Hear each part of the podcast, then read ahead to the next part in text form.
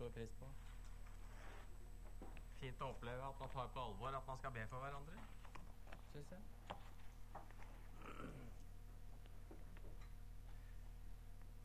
Jeg skal forsøke da i formiddag sammen med dere da å ta opp spørsmålet om uh, utfordringen som vi står overfor når det gjelder den kristne opplæring.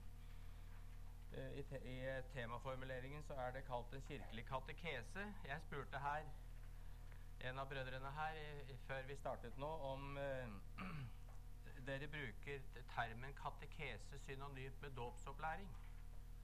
Og jeg får til svar at når dere snakker om dåpsopplæring, så tenker dere vel primært på opplæring av barn. Var ikke det riktig? At det var sånn eh, du sa det? Mens når man nærmer seg ungdomsalder eller konfirmasjon, så blir det mer katekese? Er det, er det sånn du, dere bruker termene? Eh, ok, Men dere forstår meg om jeg bruker dåpsopplæring også om hele den livslange dåpsopplæring. Vi har i Norge i hvert fall i forbindelse med vår dåpsopplæringsplan i Den norske kirke, som vi skal komme litt tilbake til så har, vi, så har vi begynt å snakke om den livslange dåpsopplæring, selv om naturligvis den viktigste skjer i barnealderen. Men at opplæringen i den kristne tro aldri avsluttes. Og at vi snakker vel også om konfirmasjonsundervisningen som dåpsopplæring. Jeg håper ikke dere anfektes av sånn språkbruk. Nei. Og jeg tenker, vil legge da, Men jeg vil naturligvis Jeg legger naturlig, jeg kommer stort sett Jeg kommer jo bare til å snakke om dåpsopplæring av barn i praksis. Det, det gjør jeg nok. Og, og legger vekten på dåpsopplæring av barn og, og vekten på dåpsopplæring Eller stor vekt også på dåpsopplæring innenfor familien. Og ikke bare i menighetens sammenheng, men også innenfor husmenigheten, altså familien. Og familiens ansvar og kirkens ansvar for den kristne opplæring som følger med dåpen, og som er en forutsetning for dåpen. Jeg har lyst til å eh, starte med å peke på at uh, jeg har uh, i mitt eget liv stadig blitt mer opptatt av å, å, å, se eller oppleve barnedåpen som den fantastiske demonstrasjon av Guds betingelsesløse kjærlighet. Jeg syns ikke det er noe sted jeg får demonstrert for mine øyne tydeligere og klarere at Guds kjærlighet er fullstendig betingelsesløs. Å se dette lille barnet sped... Og det snakker om barnedåp, altså. Å se dette lille spedbarnet bli båret til Kristus ikke forstår ikke et dugg av hva som foregår har ingen bevissthet om hva som foregår, har ikke engang en bevissthet enda om sin egen eksistens, forteller barnepsykologien oss, for det skjer først til slutten av første leveåret. Det er din og min situasjon innenfor Gud. Det er i grunnen bare en kvantitativ forskjell mellom det det lille barnet forstår, og det du og jeg forstår, f.eks. For det er ikke noe kvalitativ forskjell. Du og jeg forstår heller ikke Guds nåde. Men vi kan ta imot den betingelsesløst. Akkurat sånn som vi er. Det er jo fantastisk, altså. Det er ikke noe som er så flott som barnedåp. Det er ikke noe jeg er mer overbevist om at vi har et riktig syn på i lutherdommen enn, at, enn å døpe barn. altså. Det må jeg si. Jeg forstår meg aldri på de som hevder hardnakket en voksendåp-teologi. Jeg har respekt for det, naturligvis. De har jo noen argumenter. Men går man inn til kjernen av kristentroen, så kan jeg ikke forstå annet enn at det må være veldig riktig å døpe barn. Men det har jo noen forutsetninger som vi skal snakke mye om nå. Uansett kunnskaper, kunnskaper, uansett prestasjoner, uten engang å skjønne noe som helst, så blir det lille barnet tatt inn i livsfellesskapet med den tredje Gud. Men dette nye livet som der blir skapt, må få sjansen til å leve. Gud gir dåpens gave til et menneskebarn som ikke har andre forutsetninger enn det å slippe Guds nåde inn i sitt liv. Men den troens gave som Gud gir barnet i dåpen, må ikke bli en død kapital som gir et åndelig konkursbo, har biskop Andreas Aarflot sagt en gang. Og det er godt sagt. Troens gave, fortsetter han, skal forenes med kristen kunnskap og få skikkelse som en kristen livsform. Og her ligger vårt ansvar og vår store utfordring som foreldre, som menighet og kirke. Den troens gave som Gud gir barnet i dåpen, innebærer også en oppgave. Å hjelpe barnet til å leve i dåpen.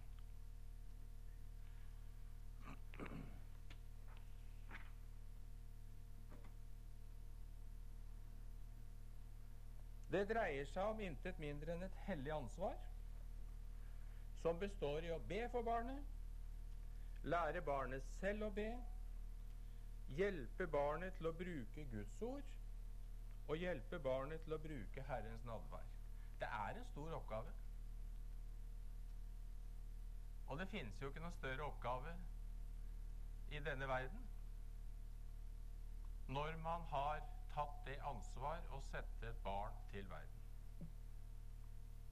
Og dette skal vi gjøre for at barnet skal bli hos Kristus når det vokser opp, slik det ved dåpen ble forenet med ham, som vi uttrykker det i vår norske dåpsliturgi.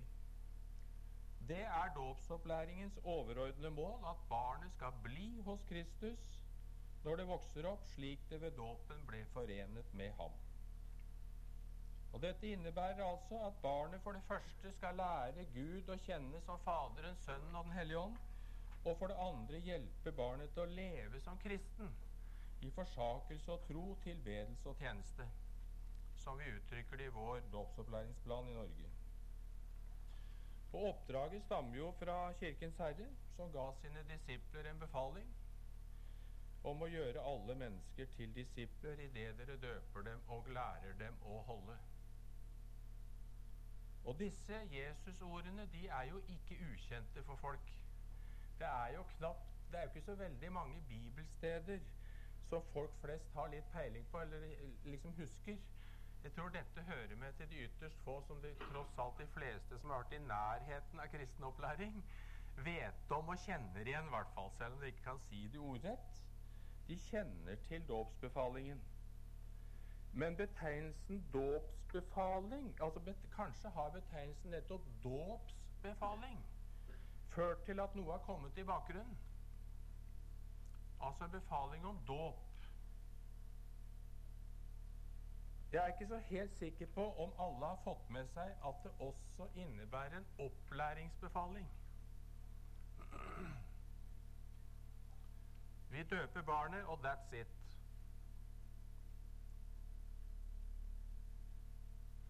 Nå skal ikke jeg gjøre noe forsøk på å se på hvordan dåpsopplæringen har foregått gjennom tidene. Vi vet heller ikke så veldig mye om hvordan det skjedde i Kirkens første tid, og andre her vet mye mer i hvert fall om det enn meg. Uh, vi vet i hvert fall at ved reformasjonen så fikk vi en fornyelse, ikke sant? Både med hensyn til opplæringen i hjemmet og undervisningen i kirkene. Luther var jo en ganske genial pedagog når han laget sin katekisme.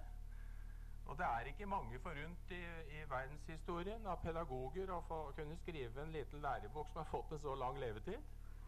Jeg må si jeg misunner Luther litt det. Tenke seg til. Tenke seg å kunne skrevet en liten sak for dåpsopplæringene som kunne leve i 300-400-500 år framover. Det måtte vært en drøm. Da ville jeg i hvert fall sikret meg royalty for mine etterkommere. ja, ja. Jeg vet ikke om Luthers familie har det. Jeg tror ikke det. Han hadde vel ikke den gangen heller. Og det var han vel ikke særlig opptatt av. Nå vel. Kirkelovgivningen etter reformasjonen fastsatte jo, som alle her vet, at børn, børnelærdommen skulle være i alle huset. Som det i hvert fall het i, i, Norge. Og det het jo på dansk i Norge den gangen, som dere vet. Ja. Og barnelærdommen, det var Luthers lille katekisme.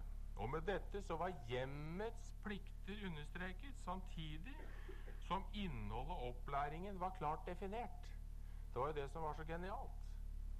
Ikke sant? Fikk her komprimert troens sannheter på en pedagogisk god måte som gjorde det mulig for hjemmene selv å ivareta dette ansvaret. Og Presten ble pålagt å undervise i barnelærdommen i tilknytning til høymessen. Og det ble innført systematisk prøving i kristen kunnskap i forbindelse med skriftemål og nadvær. Og et viktig element i dåpsopplæringen i hjemmene var husandakten, som vi vet. Og, og, kanskje, og det ble også gitt forordninger for øvrig om husandakten i kirkelovgivningen. Men vel så viktig for husandaktens utbredelse var nok det faktum at Kirkens menn utarbeidet hjelpemateriell for husandakten. I form av spesielle katekismeforklaringer, huspostiller, bønnebøker og annet. Og fortsatt så kan man jo finne igjen på loftene og på gårder i Norge. Og jeg har selv fått en gammel slik postill, altså. Som, som, var, som er helt utslitt av lesning. Og Det er ganske rørende å ta i en sånn bok og tenke på at her har mange, mange mennesker i den slekten i generasjoner lest denne og tilegnet seg troens sannheter gjennom en god relativt, får vi si, relativt sett god pedagogikk, altså. Det syns jeg er virkelig rørende å tenke på at dette har betydd for menneskers liv. Ved overgangen til 1700-tallet så var altså situasjonen at vi hadde en kristen folkeundervisning i Danmark-Norge som var en kirkelig undervisning. Knyttet til den lokale menighet, til gudstjenesten og til hjemmet. Med prest, klokker og foreldre som ansvarlig lærer. Ja, Det heter vel ikke klokker på dansk. Hva heter det? Hva? Dein? Det er dein, er ikke det? Ja, akkurat. Og Denne undervisningen hadde altså formål å formidle den kristne kunnskapen som en mente var nødvendig for at folk skulle kunne leve som kristne i Kirken. På 1700-tallet så skjedde det en meget viktig endring som fikk dramatiske konsekvenser på lang sikt for dåpsopplæringen i våre land. Og det var at man opprettet en institusjon som man kalte skole. Pietiskongen i København, Kristian 6., han forordnet både for Danmark og Norge at det skulle opprettes en egen, egen pedagogisk institusjon. En skole hvor det viktigste formålet var å gi barna innføring ut i de nødvendigste kristendomsstykker. Det var altså dansk tekst, men ikke dansk lest.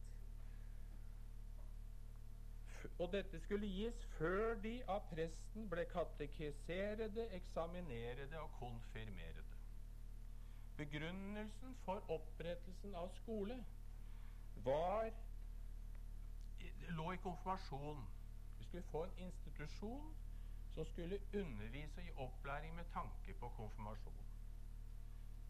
I Norge fikk vi forordningen av om eh, skolene på landet i 1739. Og så fulgte, fulgte da senere lovgivning om, om eh, konfirmasjon. Og noe tilsvarende hadde, har dere i Danmark, vet jeg. Selv om denne skolen også skulle ha innslag av allmenndannelse, allmenndannende fag Ikke minst var jo dette å lære å lese viktig innenfor lutherdommen, ikke sant? fordi den enkelte selv var ansvarlig. Eh, så var det først og fremst en kirkeskole, en forgrening av katekumenatet. Målet altså for denne skolen det var konfirmasjon. Innholdet var Pontoppidans pedagogisk geniale bok 'Sannhet til gudfryktighet'. Miljøet for opplæringen var Kirken, og skolebestyrelsen var presten.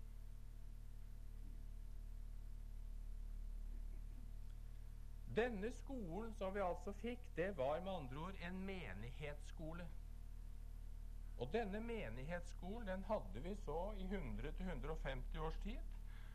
I Norge kan vi si at vi fikk skifte i 1889, da vi fikk ny skolelovgivning. Jeg, jeg kan ikke dansk skolehistorie riktig så godt, så jeg vet nøyaktig når endringene skjedde her. Men naturligvis skjedde jo også her at skolen mer og mer ble en borgerskole. Det ble innført allmenndannende fag. Kristendom var selvfølgelig uhyre viktig fortsatt, like opp til nesten vår tid. Men, men, altså den gikk gradvis over fra å være en, en menighetsskole, en kristendomsskole, til å bli en borgerskole, hvor formålet ikke lenger var konfirmasjon, men den borgerlige dannelse. Og dåpsundervisningen i skolen ble mer og mer en bisak. inntil den ikke lenger had, var dåpsundervisning. Og slik er det jo verken i Danmark eller i Norge lenger. Skolen har ikke Denne skole, som startet som en menighetsskole og en kristendomsskole, som dåpsopplæring, den er i dag ikke lenger i det, dette i det hele tatt. Den kan nok ha en viss dåpsopplæringsfunksjon, vel fortsatt også i Danmark, vil jeg tro, for det fins vel dog kristendomsundervisning i skolen fortsatt. Det gjør det jo både i Danmark og Norge. Men den er overhodet ikke kirkelig begrunnet. Det er skolens egen innføring i dette samfunnets religiøse tradisjon. Og det er som sådan utmerket, naturligvis. Det betyr da at dåpsopplæringens historie i Danmark og Norge i de siste 200-250 årene, det er en historie om hvordan eh, dåpsundervisningen mer og mer ble en bisak, inntil den måtte forlate skolen for å vende tilbake dit hvor den kom fra, nemlig til Kirken.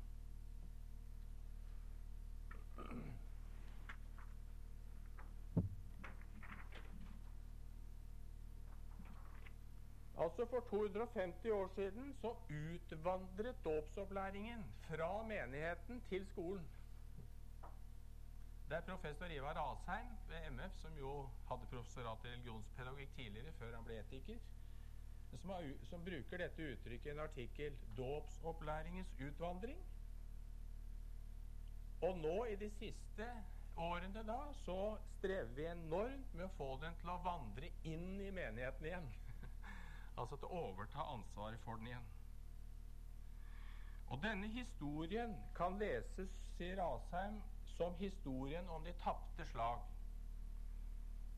Mer og mer tapte kristendomsfaget i skolen.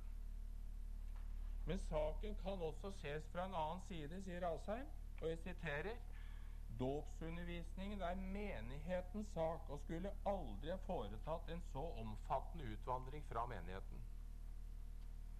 Dåpsundervisning kan bare fungere om den får sitt tyngdepunkt i troens eget miljø.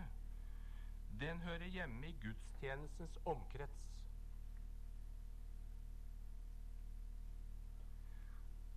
I ettertid så er det klart at vi, kan, vi må vurdere Kristian 6.s initiativ som er godt. Selvfølgelig. Og har vært til stor velsignelse. På lang sikt så er det et spørsmål om det var så bra. Det er interessant å forsøke å tenke seg hvis man, hvis man hadde valgt en strategi og i, på 1700-tallet å satse ikke på denne egne institusjonen, men i all verden hvordan kunne Kristian 6. forutsi at, at samfunnet skulle bli sekularisert? ikke sant? Men hvis vi tenker nå i etterpåklokskapens lys, og det er jo det mest eksakte vitenskap, ikke sant? Etterpåklokskapen så er det klart det er interessant å tenke seg om å satse på en annen strategi. altså At nå skal vi styrke det innenfor menighetens sammenheng og i gudstjenestens omkrets. Da hadde vi i dag i Kirken helt klart stått i en mye sterkere posisjon når det gjelder nå å ta, ansvaret for den. Nå må vi bygge dette opp igjen. altså. Og vi ser hvordan vi strever med det. For parallelt med at skolen har blitt sekularisert, så har jo hjemmets bidrag til dåpsopplæringen blitt mindre, for å si det mildt. Hjemmene og familielivet er blitt sekularisert, i mange tilfeller fullstendig avkristnet. Og selv om mange foreldre, og flere enn vi tror, antar jeg, fortsatt ber aftenbønn med sine barn, så er det kristne innslag i familiens daglige liv og deres gudstjenestedeltakelse meget liten, vet vi. Men ikke desto mindre fortsetter danske og norske foreldre å bære sine barn til dåpen.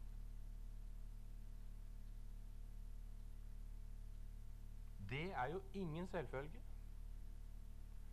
Og det er uhyre interessant å se i hvert fall på utviklingen hjemme i Norge. På 1980-tallet så begynte dåpsprosenten å stupe. Gikk kraftig nedover.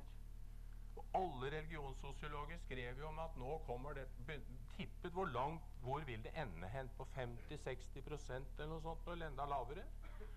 Så gikk det en åtte-ti år, så begynte den å stige igjen og har nå etablert seg på et nivå sånn på 83-84% Hvor stor dåpsprosenten er i Danmark, er jeg ikke sikker på på landsplan. 85, 85 Det er 85 ja, samme. Det er jo helt utrolig, egentlig, i vårt sekulariserte samfunn. Så vet vi at mange da fnyser av det og sier at de mener jo ingenting med oss osv. osv. Det er bare en tradisjon og, og, og så videre. Og um, jeg har selv forsket litt på det. Og jeg blir litt aggressiv når jeg hører utsagn om at foreldrene ikke mener noe med det. Hvem er vi som har rett til å si det? Og hva vet vi om det? Og bare tradisjon det er, Tradisjon er ikke bare. Tradisjon er noe meget verdifullt, det. Så mitt utgangspunkt Jeg skal ikke gå i detalj på det. Mitt utgangspunkt for uh, spørsmålet om at foreldrene bærer barna til dåpen, det er at det representerer en enorm utfordring til Kirken. Vi skal være glad og takknemlige for at foreldrene ønsker å bære sine barn til dåpen, men vi må opplyse dem om hva det er de gjør, og hvilke forpliktelser man påtar seg. Konklusjonen på min egen forskning blant norske foreldre om deres forhold til barnedåpen og kristen opplæring er at foreldre flest gjennomgående er positivt innstilt til dette å døpe barnet. Det er ikke bare noe de gjør fordi besteforeldrene ønsker det. Og etter hvert som man har blitt mer også skal vi si det er blitt mer polarisering i samfunnet om den kristne opplæring, så er foreldre flest blitt noe mer bevisste på hva de gjør, faktisk. Og jeg har sett det sånn at det gjør ingenting om dåsprosenten har gått litt ned. For de som det er igjen, er mer bevisste. Men, og det er det store problemet den store utfordringen Foreldre flest er etter min erfaring lite bevisste på sammenhengen mellom dåp og opplæring. De er lite bevisste på sammenhengen mellom dåp og opplæring. Og det har ikke minst med at de har vokst opp i og kjenner en tradisjon hvor all opplæring tar skolen seg av. Derfor er det i hvert fall i norske befolkning fortsatt stor positiv velvilje til at skolen skal gi kristendomsundervisning. Politikere som ønsker ytterligere å sekularisere skolen, har et problem med den foreldreopinionen. De skal være forsiktige med å røre altfor mye på en tradisjon som foreldre ser positivt på.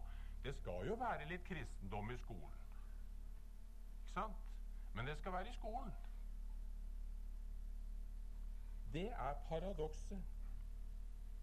For, for, å sette litt på spissen og forenkle det litt Og jeg snakker nå ut fra norske forhold, men jeg er ikke så sikker på om det er så veldig stor forskjell over våre land. altså. Foreldre flest ønsker at deres barn skal døpes. 85 gjør det. Foreldre flest ønsker at deres barn i det minste skal få noe kristen opplæring. Det betyr at for ikke så få foreldre synes det å være slik at de mener nok noe med dåpen, og de ønsker en kristen opplæring, men de mener ikke det med dåpen at barnet skal få en kristen opplæring. Det er et paradoks, hvis hvis du fikk tak i det.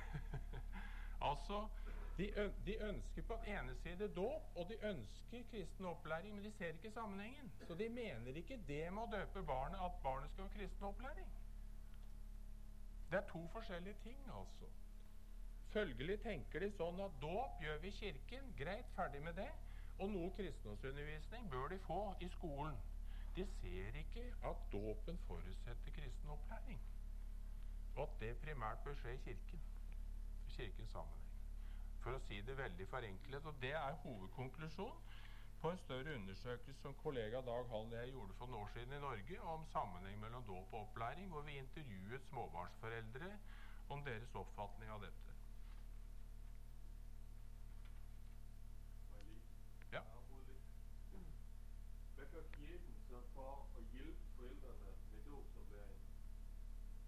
Hva sa du?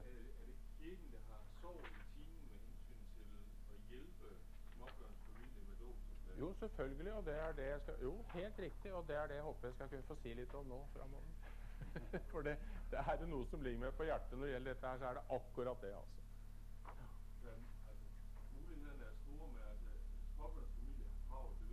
Ja ja.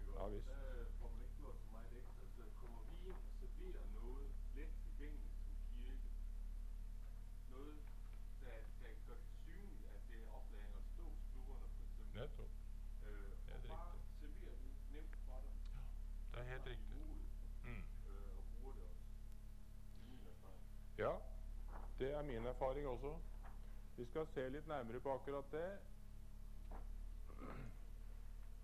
Hvis jeg skulle forsøke å formulere hva utfordringen består i, og det kan formuleres på mange måter, så tror jeg jeg vil si det sånn. For det første må Kirken, eller menigheten da, bevisstgjøre foreldrene og gi dem opplysning og veiledning om hva dåp er, og om sammenhengen mellom dåp og opplæring.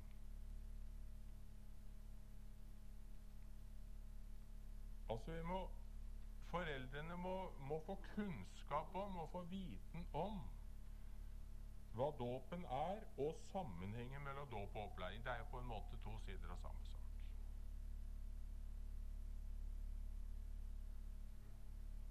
For det andre må Kirken og menigheten ha et opplæringsprogram å gi foreldrene og barna. Et opplæringsprogram for den kristne oppdragelse i hjemmet og for opplæringen i menigheten. Må ha en plan, et program, altså. Både på nasjonalkirkelig plan og på den lokale menighetsplan. Vi skal prøve å si litt om det første punktet først. da. Om bevisstgjøring, opplysning og veiledning. Som jeg tror må være første punkt i en kirkelig strategi for å gjenreise dåpsopplæringen i Kirken. Det må være å ta foreldrene på ramme alvor. Ikke stille spørsmålstegn ved om de er så å si kvalifisert for å komme med barna sine til kirkens dåp. Men oppfatte dem og behandle dem som det de er. Selv døpte foreldre som er en del av menigheten, og som, som nå ønsker å døpe sine egne barn. Jeg har enkelte prestevenner i Norge som er, veld, som er veldig offensive her i dåpssamtalene med foreldrene, som henvender seg til foreldre på en måte som gjør at enkelte får jo helt bakoversveis. For de snakker til dem ut fra den forståelse at de sier det ikke sånn, men altså de tenker om disse foreldrene sitter der Dere er døpt, selv døpt. Ikke sant? Dere er en del av denne menigheten. Og tar det så på ramme alvor at, at enkelte blir helt forskrekket, ikke sant? Jeg er jo egentlig det. Det er jo sant.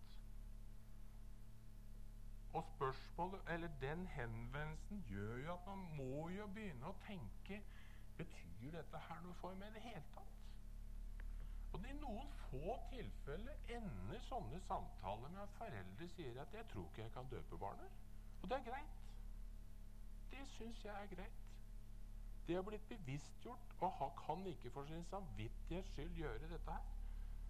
Da er det utmerket de ikke gjør det. Når de vet hva det er de da ikke gjør, og, må, og får ta ansvar for det selv. Foreldrene må bli, få hjelp til å bli seg bevisst hva det betyr at dåpen innebærer opplæring, og at de selv har et ansvar for å bidra til det, i det minste på den måten at de bidrar aktivt til at barnet blir brakt dit hvor de kan få opplæringen.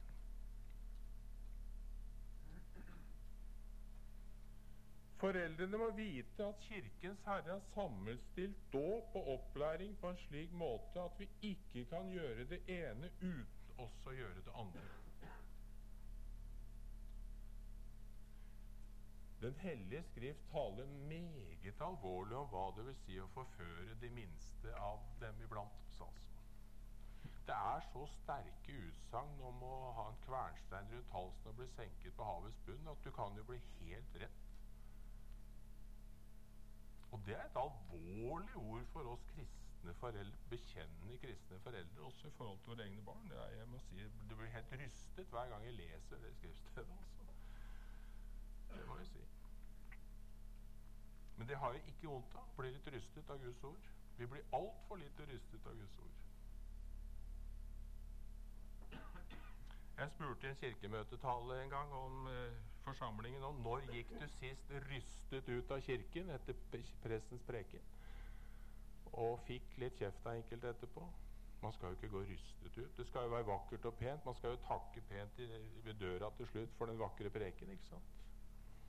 Noen ganger skulle jeg ønske at forsamlingen virkelig rystet ut, altså. Og kom i, i syndenød, som de gamle snakket om. Nå vel.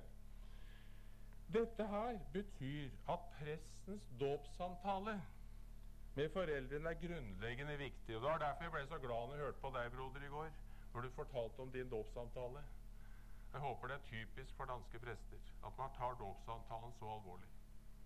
Og vil jeg, jeg kjenner ikke situasjonen i Danmark når det gjelder dåpssamtale, men jeg vet at i Norge er kanskje det noe av det aller viktigste som har skjedd på denne fronten i løpet av de siste 20-30 årene fra en situasjon i 60-erne da jeg fikk døpt mine fire barn, og jeg hadde aldri besøk av presten,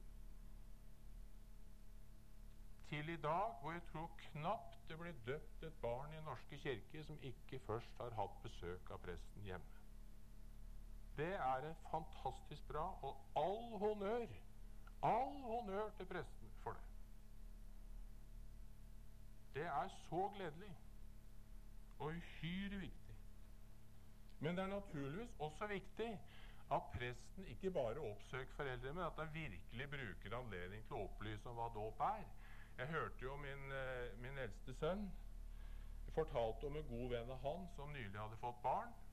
Og, og etter meget, meget grundig overveielse hadde han og hans kone kommet til at de skulle døpe barnet. De var veldig i tvil om det var riktig at de gjøre det, men de hadde etter grundig overveielse kommet til det og melde barn til dåp, og det kommer en prest hjem, og han sitter der bare prater om vær og vind. Og denne meget verslige mann, må vi si, han var rystet. Han var rystet. Og fortalte da til min sønn, som han visste da hadde litt relasjoner opp mot kirketoppen, at uh, at dette her var han virkelig skuffet over. Etter at disse foreldrene selv hadde tenkt så grundig gjennom dette, så har ikke presten noen ting å si om hva dette med dåp er, altså. Det er urettferdig å si dette til dere, naturligvis, kjære danske prester, men uh, jeg bruker alltid å si det hjemme. Og derfor sier jeg det også her. For det er jo selvfølgelig viktig da å bruke anledningen slik jeg hørte i går et eksempel at det ble gjort her. Og det er flott. Det er vesentlig at presten vet hva han gjør når han døper, det men det er like viktig at foreldrene vet hva de gjør når de lar barnet døpe. Og det må høre med til prestens ansvar som sakramentsforvalter at han vet at foreldrene vet. Og det har med troverdighet å gjøre. Og det var jo Kirkens troverdighet som fikk en knekk hos dette foreldreparet nå nettopp fortalte om. Går det an å ha noe troverdighet til en kirke som ikke har ett ord å si om denne meget alvorlige handling som nå skal skje neste søndag i kirken med mitt barn? Når han tar seg den med å komme hjem til oss Det er, vel ikke bare en sosial visitt? Jeg tror det er mange foreldre, altså flere enn de er klar over, som kanskje i sitt innerste tenker, tenker litt mer og slett ikke er så fremmede for å få en skikkelig klar, tydelig tale fra Kirkens side. Så får det ikke hjelpe om enkelte syns at det ble litt for sterkt. Det gjør ingenting. Bare, vi må gå fram på høvisk vis. Snakke pent til folk. Naturligvis. Men vær tydelig.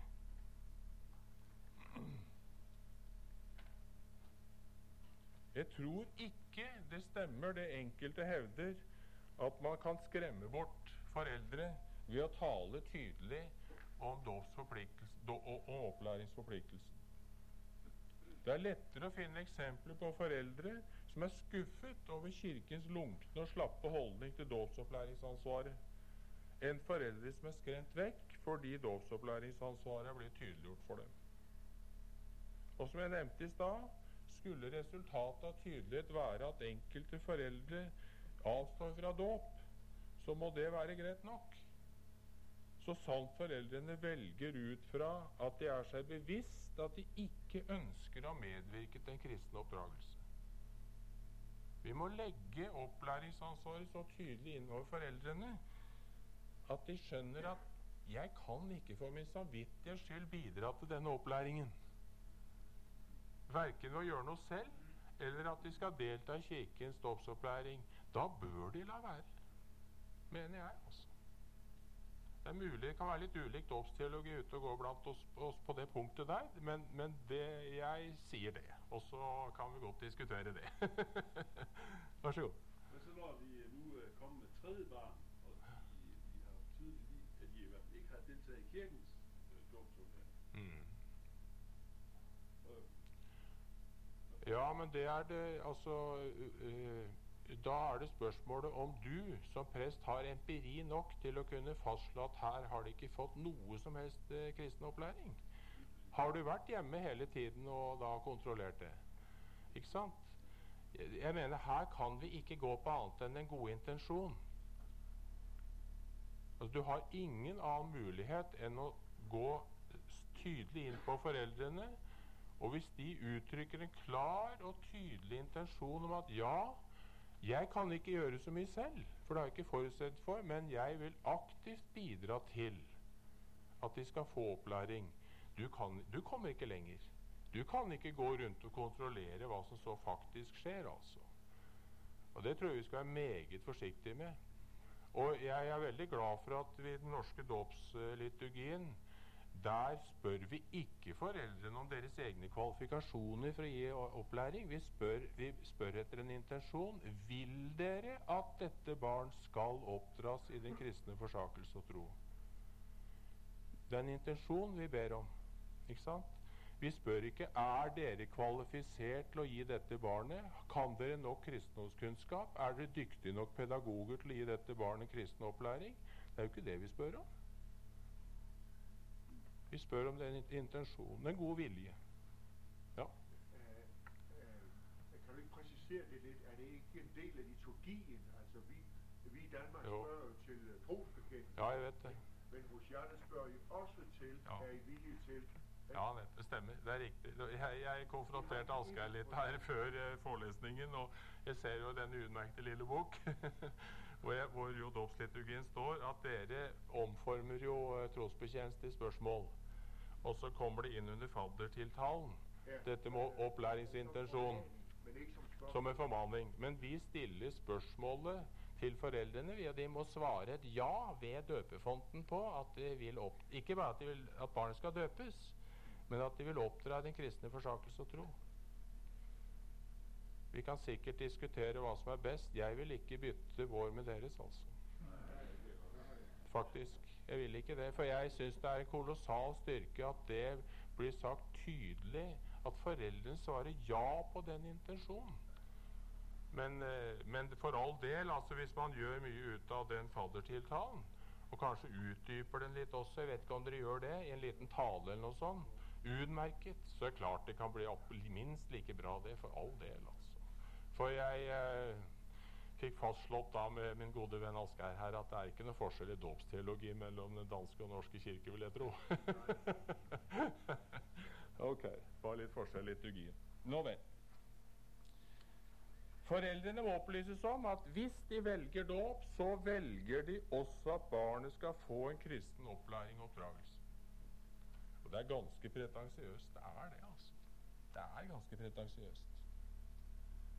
Der dette gjøres klart, så må Kirken også ha lov til å forvente at foreldrene vil aktivt bidra til den opplæringen som er konsekvens av dåpen på et eller annet vis. Vi må undervise foreldrene om at kristen opplæring og oppdragelse ikke er noe som skjer av seg selv. De må få hjelp til å se at dette kan, dette kan ikke overlates til barnets lyster og interesser. Det beror jo på en pedagogisk-psykologisk misforståelse. Det er like dumt som å si at barn blir jo sikkert veldig interessert i musikk og glad i å spille musikk og utøve musikk, selv om de aldri får høre noe musikk. Når det gjelder religiøse spørsmål og kristen kunnskap, så går jo en del foreldre rundt på den misforståelsen at dette er jo noe som får komme av seg selv. Ikke sant? Gjennom barnets iboende undring osv. Og, så og vel kan det resultere i religiøs undring, men ikke nødvendigvis i kristendom. Naturligvis. Kristen kunnskap og tro gror naturligvis ikke fram i barnet som et naturprodukt, men avhenger av barnets mulighet til selv å få møte ordet.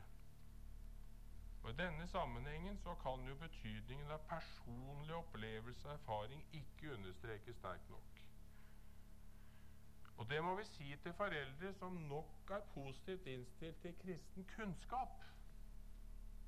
De vil gjerne at barna skal få kunnskap at de skal forstå de kristne begrepene om tilgivelse, nåde osv. Men vi, vi, må få dem til å forstå at skal barnet virkelig få innsikt i de begrepene, så må de få oppleve det. Det starter jo med opplevelse. Ingen av oss som skjønner noe av disse grunnleggende kristne begrepene hvis vi ikke har fått opplevd det. Det blir jo bare teori. Jeg hørte nylig en utrolig historie om en norsk 17-18-åring eh, som hadde av en eller annen grunn forvillet seg til en kristen folkehøyskole. Vokste opp i sekularisert miljø like utenfor Oslo. Og kommer til denne kristne folkehøyskolen oppe i Finnmark i Alta, hvor han plutselig altså får oppleve tilgivelse som en, reell, som en virkelighet. Konkret i livet gjennom en spesiell eh, affære som hadde skjedd der. Og det ble satt navn på dette her. Tilgivelse og nåde. ikke sant? Og gutten blir en kristen. Og etterpå så blir han da undervist om dette her som et kristent begrep. Han erfarte dette i sitt eget liv uten å ane noe som helst om dette som et kristent begrep. altså. En fant, egentlig fantastisk og god historie. Er jo sånn, og særlig barn lærer. Starter jo ikke med det kognitive. Starter med det opplevelsesmessige. Derfor må jeg si til foreldre at hvis du ønsker at ditt barn skal få innsikt i hva kristendom er, så må du la barnet få oppleve kristent liv. Da kan du ikke, være, da kan du ikke avholde barnet f.eks. fra å oppleve kristen gudstjeneste. Da må du la barnet få oppleve bønn. Ikke bare høre om bønn. Det er ikke nok å snakke om Gud. Det er viktig nok. Vi må snakke til og med Gud. Og starte der. Derfor bør aftenbønn starte ved vogga over vogga. Før barnet har noen forståelse. Sånn at de så å si får leve i troens rom og puste inn troens luft, altså fra første levedag. Dåpsopplæringen starter umiddelbart etter barnet er født. Gjennom kristen praksis, naturligvis.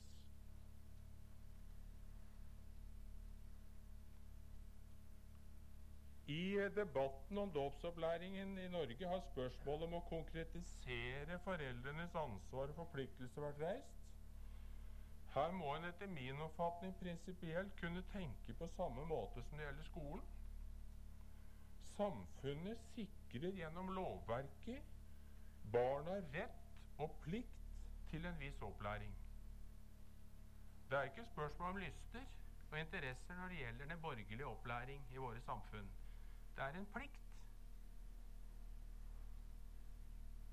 Samfunnet tilbyr skoler som, som hjelp til foreldrene i denne opplæringen.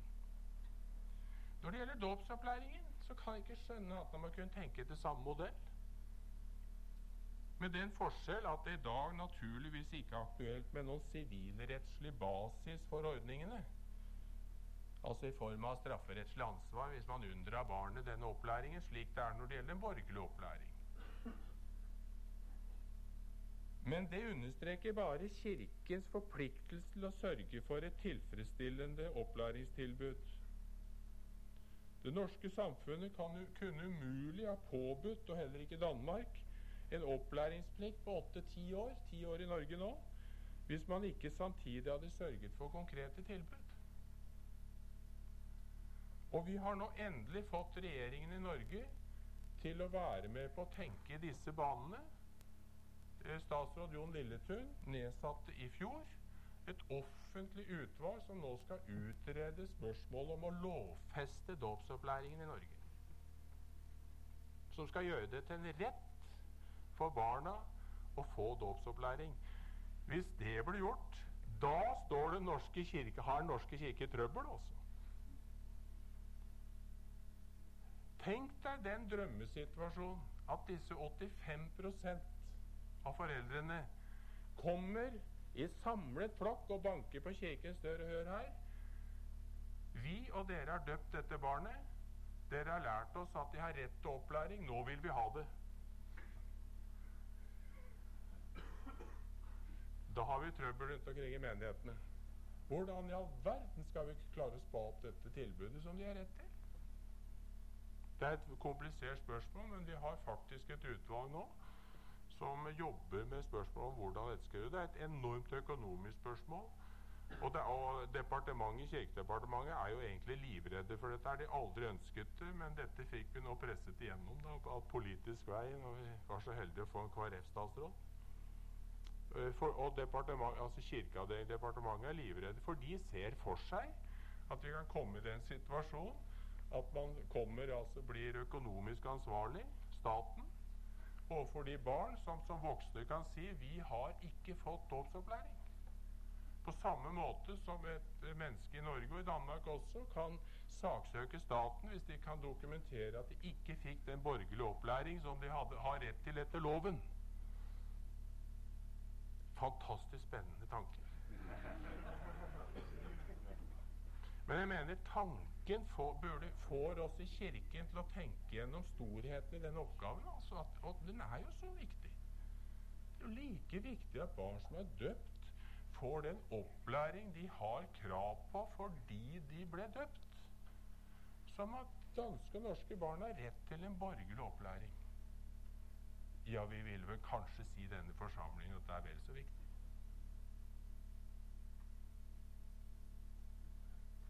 Jeg har ikke løsning, og de strever jo fælt i dette utvalget selvfølgelig for hvilke modeller skal man bruke. og Det er en meget hot question i den politiske debatt, eller i hvert fall kirkepolitiske debatt i Norge akkurat nå. Eh, eh, vi har hatt utspill om at man skal da legge denne dåpsopplæringen igjen til skolen, men som Kirkens undervisning i skoletiden. Men samtidig skal det da selvfølgelig også staten både gi støtte og, og, og, og muligheter for muslimer og alle trossamfunn til sin tilsvarende trosopplæring i religionsfrihetens navn. Personlig har ingen tro på å legge det i skolen. Det er igjen det er altså etter at det nå har innvandret til menigheten. Skal vi la den utvandre igjen? Det tror jeg ikke vi skal gjøre. Det tror jeg er feilgrep. Vi må ikke ta det ut av gudstjenestens omkrets, som Asheim sa. Ved å prøve å få organisert det fysisk i tilknytning til Kirken, og ikke til en borgerlig skole. Det er bare bra at den har kommet vekk fra den. I prinsippet er det bra. Det har vært, ikke vært bra fordi Kirken har ikke klart å ta utfordringen enda. Det kom for fort på oss, på en måte. Vi, sov, som jeg brukte uttrykk her lenge, så ikke utviklingen. Det gjorde vi ikke i Norge. I 1969 fastslo Stortinget at, at skolens kristendomsundervisning ikke lenger er dåpsopplæring. Og inntil da hadde Kirken sovet, og plutselig satt vi med hele dåpsopplæringen i fanget.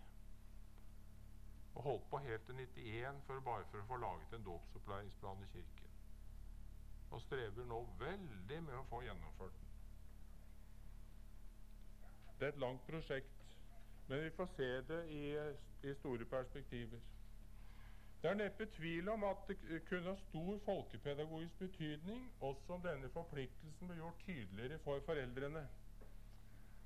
Vi, nevnte, vi, snakket litt på eh, denne samlingen i går ettermiddag, som vel ikke alle var på, om uh, Asle Dingstad.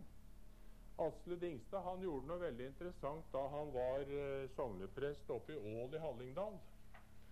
Han konfronterte foreldrene med følgende dokument, han. Og det er virkelig å ta dåpsopplæring og ansvar på alvor. Han la dette dokumentet frem for dem og ba de undertegne. Undertegnede ber om at Kristian blir døpt og tatt opp i, det, i Ål menighet.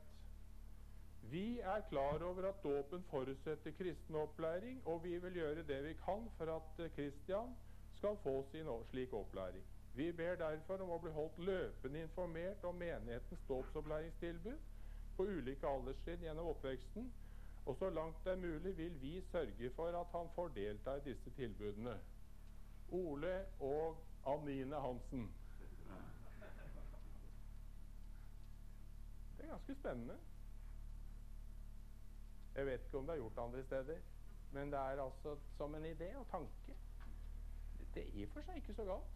Ja, men det er obligatorisk, at foreldrene skal skrive under på det? Nei, du vet, han kunne ikke det, vet du. Dette må han selvfølgelig. For det har jo ikke noe rettslig basis for å kreve det, ikke sant? Men, eh, men han, han prøvde det. For Asle er jo en av de som virkelig har vært opptatt av dette her, og ta dette på ramme alvor, slik han ønsker å ta alle andre sider ved kirkens liv på alvor. Hvordan var reaksjonen i sognet? Nei, altså han var jo en meget, meget klok og dyktig prest med, med utrolig god kontakt med folk. Så han, han lykkes jo i å, å, å få til dette her, men du vet Det er jo ikke så lett. Det må vi erkjenne. Og jeg sier ikke at dette nødvendigvis er løsningen, men jeg bare nevner det som idé, tanke, for jeg syns han ved denne ideen her så tydeliggjør han på en måte at egentlig burde dette være en selvfølge. Og jeg mener teksten her Nå, har, nå vet jeg ikke om den var nøyaktig sånn han brukte den. Det er mulig jeg har bearbeidet den lite grann. og det spiller ingen rolle her. Selvfølgelig ikke. Det er jo ideen, tanken, som er poenget. Men altså teksten er Vi er klar over at dåpen forutsetter. ikke sant? Da gir man uttrykk for dette. Nå skjønner vi dette er jo blitt undervist om. Vi vil gjøre det vi kan. Mer kan vi ikke gjøre. Ikke sant? Jeg er ikke pedagogisk kvalifisert, eller jeg er ikke så god innsikt i kristendom, men jeg skal gjøre det jeg kan for at lille Kristian får slik opplæring. Og jeg vil veldig gjerne være informert om dåsopplæringstilbudene. I det ligger det en forutsetning at det fins sånne i menigheten. Vi kan jo ikke legge fram dette på foreldre hvis det ikke fins noen tilbud. Så blir Kirken utfordret til virkelig å ha tilbud på ulike alderstrinn. Og informere nå foreldrene til Kristian hele veien. Nå starter den klubben der, nå starter speiderarbeidet der, nå starter den, den uh, kristendomsskolen der i tiårsalderen osv. osv. Og vi vil så langt det er mulig sørge for at han får delta. Så langt det er mulig. Mer kan vi ikke forlange. Ja, interessant tanke. Bare lige, øh, kunne man, kunne man øh, lave en hurtig aftale om, at der var en, der prøver at tage den med hjem?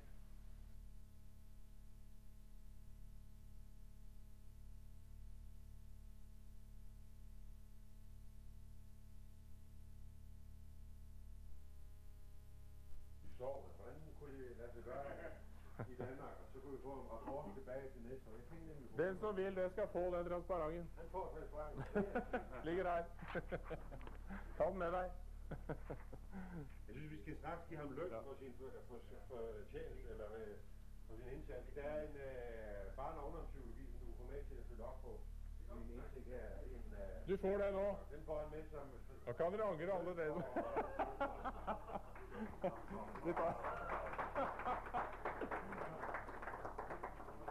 Skal vi ta en liten pause, Nikolai?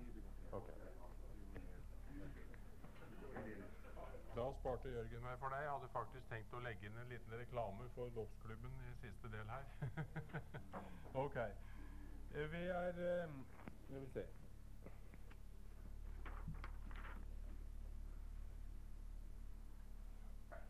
Noen ord også da om punkt to, om et opplæringsprogram for hjemmet. Det første gjaldt mer enn bevisstgjøringen av foreldrene. Strategien må etter min oppfatning være å gå veien om foreldrene også når det gjelder dåpsopplæringen i praksis. Det er klart det er lettere sagt enn gjort, men likevel tror jeg vi må tenke i de banene. Altså at ansvaret må primært legges der hvor ansvaret hører hjemme, nemlig i familien hos foreldrene. Jeg har eh, lært av mine teologiske lærere at eh, foreldrene er barnets ikke bare kjødelige foreldre, men også åndelige foreldre. Er ikke det luthersk? Nikker du, Leif? Ja, da stoler jeg på deg. det er selvfølgelig på en måte en anfektende tanke, slik som situasjonen er, i folkekirken. Og likevel så vil jeg ikke gi opp den tanken, altså. Og Det betyr da at vi må satse på familiepedagogiske støttetiltak, eh, som eh, vi kaller det i denne boka som nå er blitt vist fram flere ganger av denne blå familiepedagogikken. Familiepedagogiske støttetiltak som kan være konkret og praktisk hjelp for foreldrene i den kristne oppdragelse av barnet i hjemmet, av typen Hjemmenes dåpsklubb, som er et konkret eksempel på det. Menigheten må ha et opplæringsprogram å gi foreldrene og barna for den kristne oppdragelse i hjemmet. Desto mer som jo at de aller fleste foreldre føler seg meget usikre her. Ja, selv kristne foreldre gjør jo det, altså. Enkelte av dem. Foreldrene trenger hjelp til å se at dåpen verken forutsetter noen trosprestasjon eller, som jeg allerede har nevnt, at deres ja ved døpefonten representerer noen egenerklæring om pedagogisk kompetanse. Vi må hjelpe foreldre til å på en måte få tross alt litt avslappet forhold til dette her. Vi kan ikke avkreve noen sånn uh, fantomprestasjon på troens område før vi skal si at dere er kvalifisert for å gi opplæring. Vi må hjelpe foreldre til å se at selv om du er usikker på din egen tro. Du vet ikke riktig hva du skal svare hvis du får et direkte spørsmål. Tror du dette?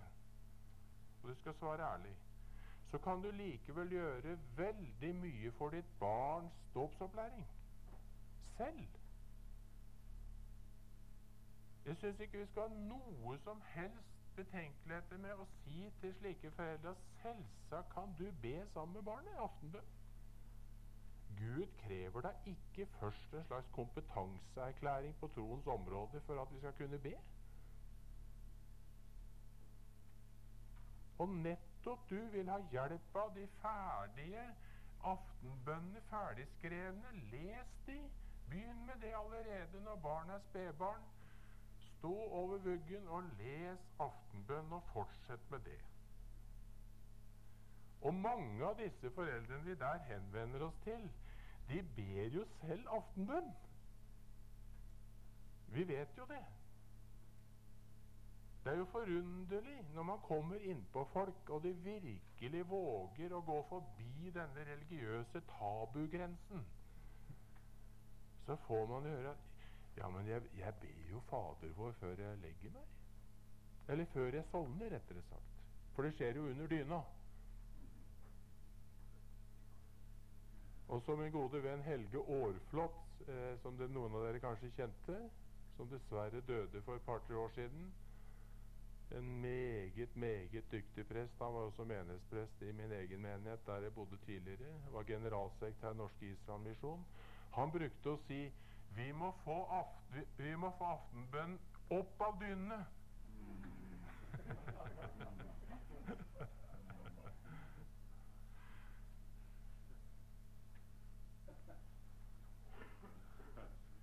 Det er typisk at en av de mest populære underholdningsartister i Norge, Harald Heide Steen, som ble intervjuet på norsk fjernsyn her forrige lørdag, og som jo ikke akkurat forbinder særlig mye med kristendom, og sånt skal sies Han fortalte der at 'Jeg ber jo Fader vår hver kveld, jeg', etter jeg har lagt meg, sa han på fjernsynet. Og jeg tror ikke han løy.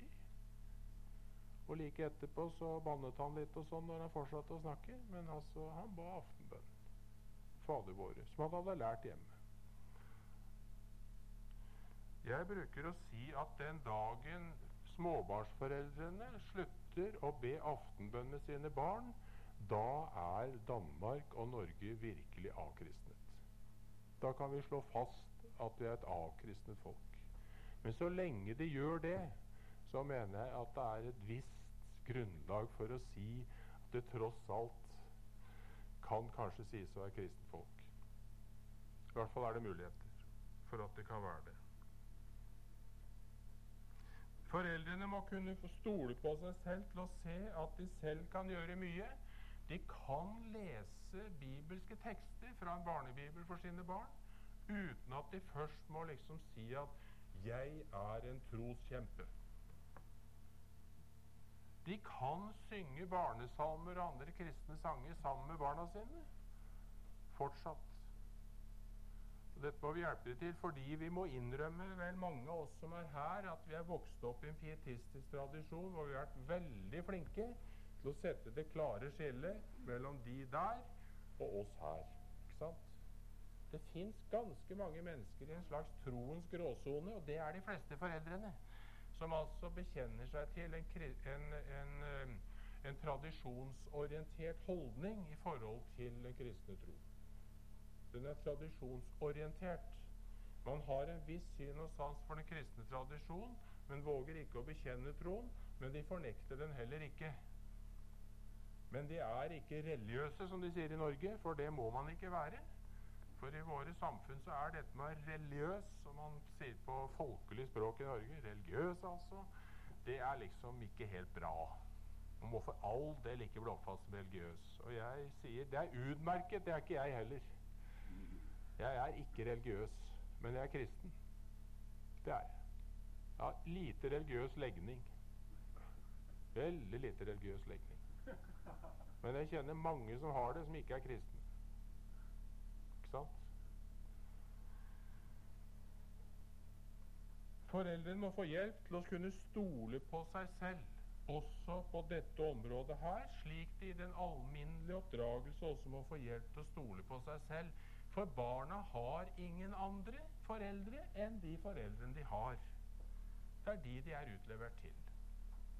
Og barna ønsker vanligvis heller ingen andre. Uansett hvor ufullkomne vi måtte være som foreldre.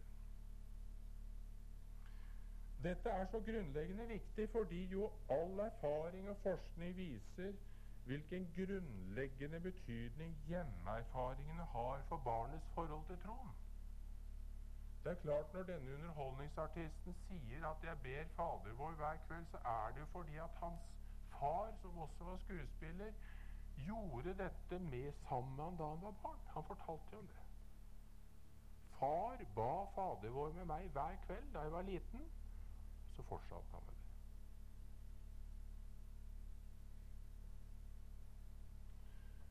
Videre så trenger vi et opplæringsprogram i menigheten. Et tilbud altså til foreldre og barn i menighetens sammenheng. Og her også må vi tenke planmessig. I Norske kirke lagde vi da i 1991 en plan for dåpsopplæring i Den norske kirke. Uh, en læreplan uh, som vi da sendte ut til alle menighetene, hvor, hvor, intensjonen var at i løpet av en femårsperiode skulle alle menighetene lage sin lokale læreplan for dåpsopplæringen i menigheten. Og vi, I den første femårsperioden nådde vi vel en sånn ca. 60% av menigheten hadde gjort det. Og det syns jeg var bra. Det var bra. Og så utvidet vi dette også ytterligere en femårsperiode, sånn at på hele 90-tallet, i min periode da som leder av Kirkerådet, så, så klarte vi å sette dåpsopplæringen som Kirkens hovedsatsingsområde så langt det gjelder det vi sentralt skulle jobbe med kirkelige spørsmål. Det passet jo meg veldig godt, naturligvis. Vi må lage strategidokumenter som gjør det mulig å arbeide planmessig.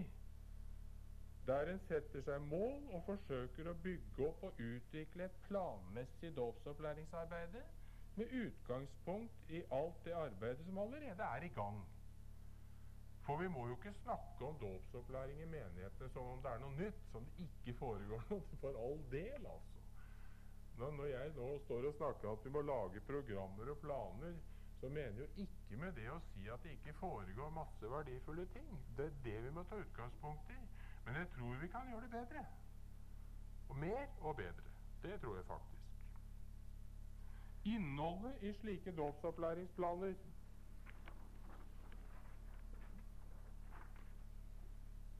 det må, det må ha den pretensiøse målsetting at det skal hjelpe barn og familien til å leve i menighetens fellesskap.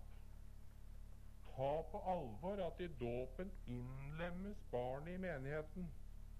Derfor er dåpsopplæringen hele menighetens sak.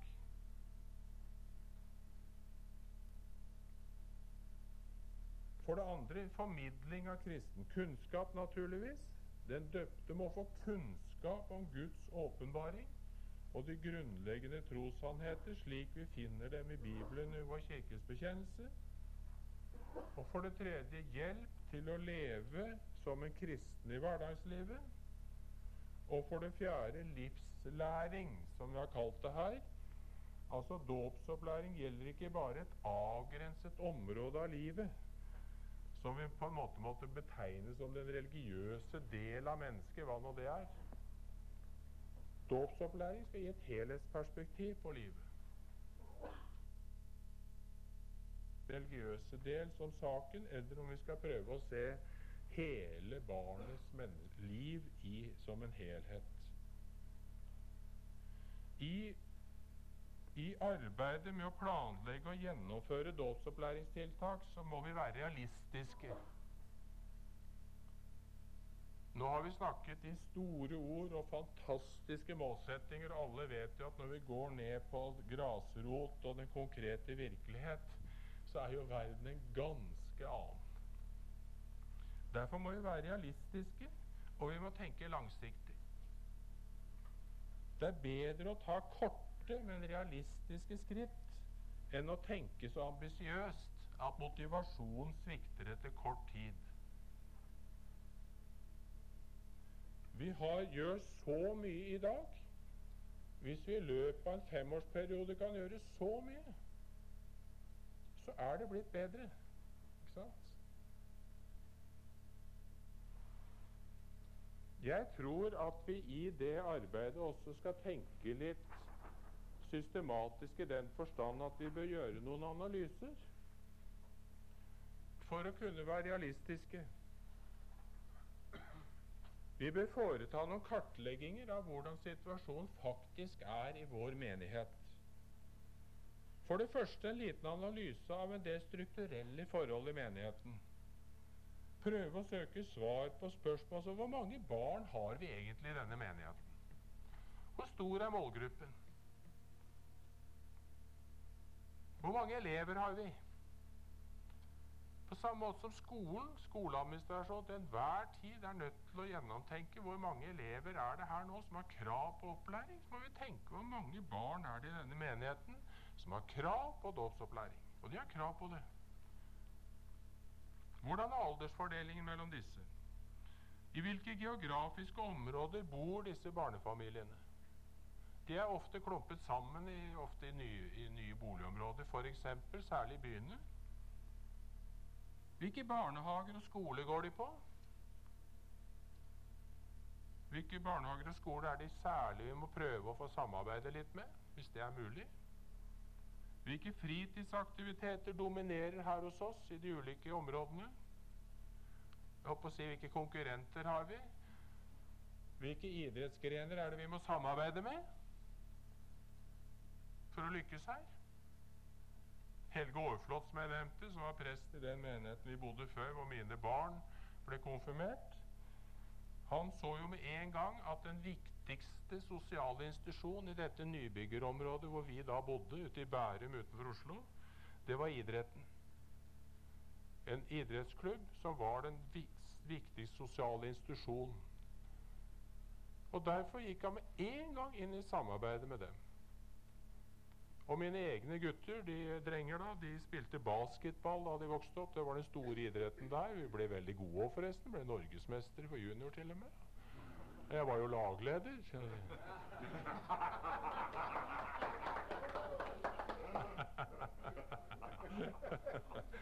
og vi så jo det at dette var disse drengenes store interesse på fritiden. Og da kunne jo vi som fedre ikke sant, si uff a meg, altså. Men nå er jeg altfor sportsinteressert til å kunne si det. Og da valgte vi stikk motsatt strategi. Vi går inn i dette her, tar ansvar for det og blir med dem. Og det ga oss også åpning å få lederne til å si at hør her, disse guttene våre de går i kirken søndag formiddag, for det gjør våre familier. Og Det betyr det blir ikke aktuelt å stille verken på noen trening eller kamper mellom 11 og 1 på søndag. Og Det førte til altså at vi fikk basketballtreneren til å stille opp utenfor kirken klokken halv ett for å ta med seg disse drengene på kamp. Og vi etablerte en Fair Play-pokal. Menigheten satte opp en Fair Play-pokal for denne idrettsforeningen med spesielle regler ikke sant, for den som hadde vært fair. altså, Kunne være ledere osv. Kjempeartig. Veldig morsomt. Og det viser seg at de, de fleste idrettsledere var jo i aller høyeste grad til å samarbeide med. Og mange av de ble med i det guttekoret vi lagde igjen i menigheten osv. Nå skal ikke jeg beskrive det som en sånn drømmesituasjon, det var det slett ikke. Men dere skjønner poenget her, altså. At det gjelder på en måte også å lukte litt hvor landet ligger der hvor vi skal jobbe. Og vi kan mene hva vi vil om den idretten, ikke sant? Jeg eh, mener da det jeg gjør. Jeg er veldig interessert. Andre er ikke det. Men dette er viktig for barn og ungdom i dag. Veldig viktig for mange av dem.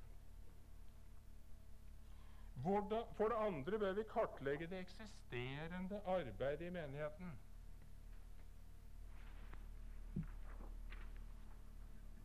Meget viktig. Ikke snakke om dåpsopplæringstiltak som om det ikke foregår noen slike. Hvilke tiltak har vi allerede? Beskriv disse. Hvor mange deltar i søndagsskolen? Hvor mange deltar i kristne barnelag, i grupper, gospelkor? Hvor mange møter opp på familiegudstjenester og andre gudstjenester osv. osv. Vi får være ærlige her. Det er ikke sikkert det blir så store tall. Det kan de så, det, hende de er så deprimerende lave at vi ikke våger å gjøre denne analysen. Vi får likevel prøve å gjøre det. Som sagt, om vi gjør så lite, så er det bedre om vi i løpet av femårsperiode gjør så mye. Hvem er disse barna som deltar? Hvilke aldersgrupper er det? Kjønn, bosted, sosial bakgrunn? Hvem gjør arbeidet? Og Det bringer oss over på det tredje punkt, som vi ikke har noen transparent på. Vi må foreta en realistisk analyse av de ressursene vi har til rådighet. Både økonomiske, personellmessig, lokaler, materiell osv. Og Her er selvfølgelig personellspørsmålet det aller, aller viktigste. Mennesker. Vi lider vel også i Danmark, vil jeg tro, under mangelen på mennesker som vil ta ansvar for å gjøre en jobb på frivillig basis. Og her er man naturligvis fullstendig avhengig av frivillige medarbeidere.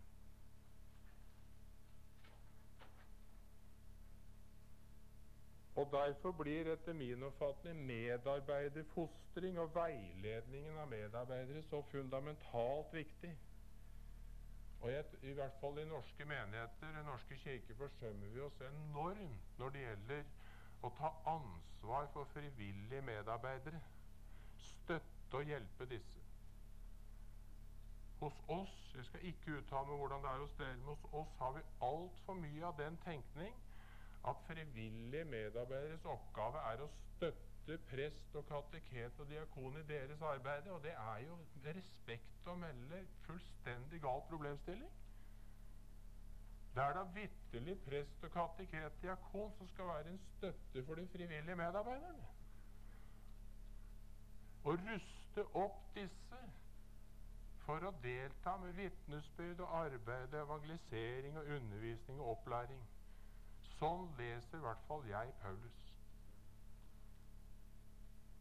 Jeg husker da jeg var ganske ung, kom inn i menighetsråd i min menighet der, der jeg bodde den gangen ble bedt om å være med i et utvalg som gjaldt diakoni, og møtte en diakon som hadde kun den forståelse at min og denne utvalgets oppgave var å støtte han i hans oppgave, og jeg takket for meg, altså. Det hadde jeg ikke satt på spissen. Jeg så det ikke primært Selvfølgelig skal vi støtte våre ansatte for all del, men dere skjønner poenget. Jeg skulle ønske at vi virkelig får en ansvarsmobilisering hos Kirkens ansatte til å se at det har en stor, stor oppgave i å fostre medarbeidere. Vise de omsorg. Undervise dem. Spørre de hva trenger du nå for å få gjort dette søndagsskolearbeidet som du driver frivillig her. Hvordan kan jeg hjelpe og støtte deg? Det er ikke så mye som skal til. Men litt oppmerksomhet og oppfølging betro, betyr utrolig mye. Nylig gjorde en venn av meg, eh, Ole Magnus Olavsrud, som leder Navigatørene i Norge, han gjorde en liten undersøkelse blant frivillige medarbeidere i 25 til 40-årsalderen. Altså den, en aldersgruppe som jo er fryktelig vanskelig å få tak i til å delta i menighetsarbeidet. Men noen som virkelig var med og spurte dem altså hva er, hva er det som gjør at dere går trøtte og ikke orker mer? Det er at vi ikke får noen oppmerksomhet på det vi gjør. Det er ingen som bryr seg om det vi gjør. Det er ingen som spør om hvordan det går. Det er ingen som spør om du trenger noen hjelp, osv. Vi trenger alle å bli sett også kristne Og jeg vet at det er jo dere som er prester og kateketer og søndagsskolekonsulenter òg. Jeg kunne snakket mye om det naturligvis, men nå snakker jeg til dere. og det er klart Dere også trenger å bli sett. Er det noen som har omsorg for dere? Det er et like godt spørsmål, for all del. Det er jo noen som har ansvar for det. Men nå snakker jeg altså til dere og det ansvar dere har. Og jeg vil også understreke betydningen av et lite poeng når vi skal engasjere frivillige medarbeidere. Når så mange ikke orker mer etter en tid, så tror jeg det har sammenheng med at oppgavene er for diffuse, for uklare og for lite avgrenset. Når folk ikke tør å ta på seg led, frivillig lederansvar i en menighet eller en misjonsforening, eller ta på seg å være søndagsskolelærer, tror jeg det mye skyldes at de vet at gir jeg lillefingeren nå, så tar de hele handa ganske fort. Sier jeg ja til dette, så kan du være sikker på at ganske snart kommer en ny telefon. Kan ikke du ta på deg også det? For da har man endelig funnet en som er villig til noe.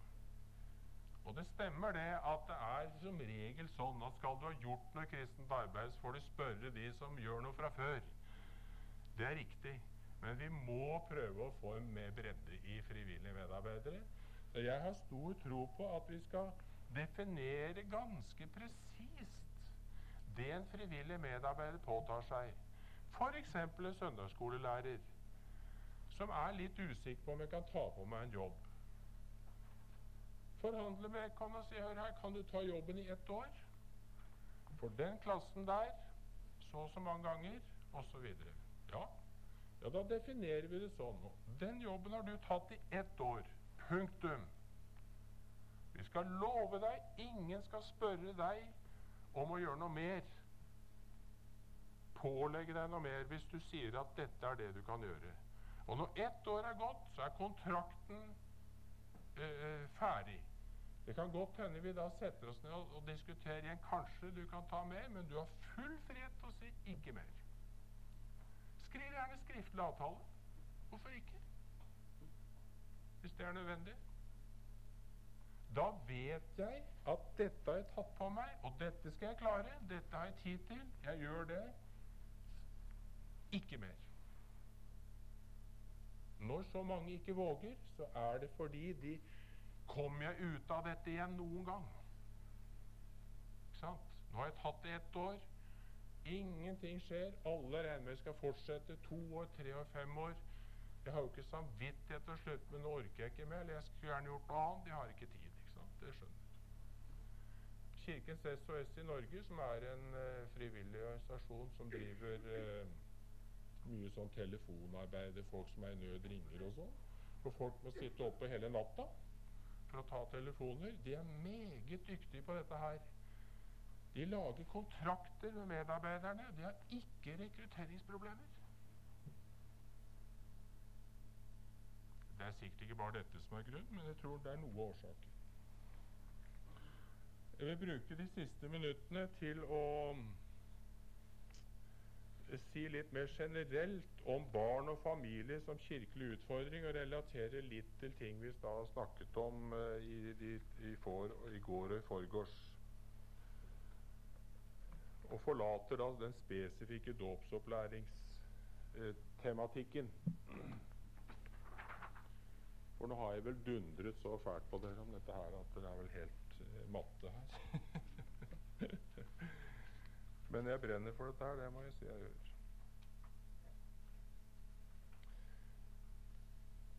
Men det har jo sammenheng med dåpsopplæringen, selvfølgelig. Og dette her at vi generelt sett må ta ansvar for barn og familiespørsmål i Kirken. For det første det personlige ansvaret som påligger hver enkelt av oss som kristen på dette området. Det er min påstand at hvis alle kristne familier, eller alle familier som bærer navnet av kristen familie, virkelig levde som kristne familier på alle livets områder, så ville dette være et vitnesbyrd som ble lagt merke til av verdens mennesker. På samme måte som det personlige vitnesbyrdet ble lagt merke til, tror jeg også det familievitnesbyrdet ble lagt merke til. Jeg tror rett og slett det vil bli langt på en revolusjon. At man tar på alvor den forpliktelse som ekteskapsløftet om å elske og ære sin ektefelle, f.eks. At dette ble sett av andre, at det har betydning for hvordan man faktisk lever. Det kunne vært interessant å ha et seminar sammen om det. Hva betyr det i praksis å elske og ære sin ektefelle? Gjør jeg det? sånn at det er et vitnesbyrd for andre. At vi ser på barn ikke som en personlig eiendom, som vi har en tendens til å gjøre i vår kultur, som vi får for oss å tilfredsstille våre egne lyster og ønsker, som vi har snakket om, men at vi ser på barn som en Guds gave. En Guds gave som vi skal behandle og oppdra i lys av det mandat som er gitt foreldrene av Gud. Barn er ikke vår eiendom. Og Personlig tror jeg at vi må gjennomtenke litt den foreldrerettstenkning som er ute og går i kristne sammenhenger. Jeg tror vi har ført den tanken litt for langt i retning av en eiendomstenkning, og glemmer at i samme grad som vi tenker om barn som min eiendom, så er barnet rettsløst.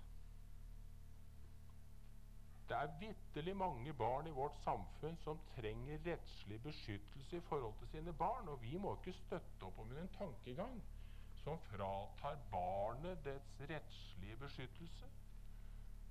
Jeg tror det er mye av den tenkningen som er årsaken til at aborttenkningen, den frie aborttenkningen har slått igjennom. For tenkte man virkelig rettsvern om barn og fostre, så var ikke en fri abortlov mulig.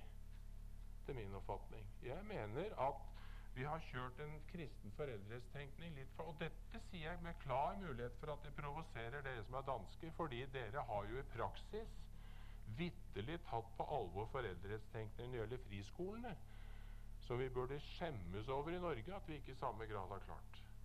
All honnør til dere for det. Men samtidig altså, så må vi balansere dette her mot at vi ut fra en kristen tenkning må ikke tenke sånn at det er barnet er vår eiendom. I verste fall kan det til og med tenkes det fins barn som trenger rettslig beskyttelse overfor sine kristne foreldre, som i Guds navn ødelegger sine barn f.eks. fysisk ved mishandling.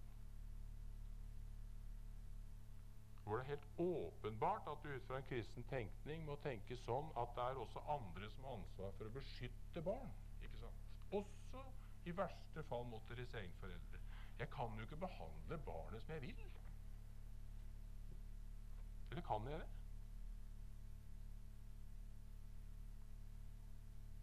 Jeg sier dette med klar bevissthet om at det, det, går, at det kan tenkes jeg provoserer noen. Men jeg gjør det også fordi jeg har lest kristen foreldreveiledningslitteratur på dansk, ikke så lenge siden har kommet ut, hvor jeg mener det her forkynnes den rene vranglære. Hvor jeg mener det sies ting om eh, foreldrerett, altså retten til å gjøre langt på gjøre hva man vil med barn uten inngrip fra andre, som jeg personlig mener er galt. Jeg skal gjerne snakke med den som ønsker om det etterpå om det, altså, men jeg, jeg mener det. Så, og, og, det gjør ingenting med å provosere noen, ikke sant? for det, vi, det går an å se litt ulikt på ting også. Men, men, i hvert fall dere skjønner tanken her, at min oppfatning da er at man må balansere foreldrerett mot barnets rett. Og vi har i, vi har i vår kultur også faktisk i, innenfor menneskerettighetstenkningen i, i, Vesten så har vi etter den annen verdenskrig hatt en meget sterk familieorientert menneskerettighetstenkning og foreldrerettstenkning. Naturligvis pga. de overgrep vi opplevde under annen verdenskrig og nazistyret. Men det er først i de siste år at man innenfor eh, FN-samfunnet har oppdaget at man må også begynne å sette barnets rett på dagsorden, og vi har virkelig fått en barnerettskonvensjon. Så jeg mener personlig mener på høy tid at vi fikk, som balanserer dette noe mer. Vel, vel, dette her til eh, nærmere overveielse. Dere behøver ikke å være enig i alt jeg sier. Selvsagt ikke. Både overfor foreldre generelt og politiske myndigheter må vi holde fram at barna ofte er den svakeste part i interessekonflikter i dagens samfunn. Vi må prioritere barna og barns oppvekst. Selvrealiseringstanken betyr for mange voksne at livet skal innrettes etter voksnes behov og interesser, og barna blir da en tapende part. Ikke minst ser vi det i forbindelse med foreldrebrudd. En av mine kolleger i denne berømmelige verdikommisjonen, som er ML-er, marxist-leninist i utgangspunktet, han var det i 70-årene, ikke medlem av Norske kirke, professor i sosiologi, en utmerket mann, han sa på vårt forrige møte hvis barna hadde fått være med å bestemme skilsmisselovgivningen i Norge, så ville den aldri sett sånn ut. det er godt sagt.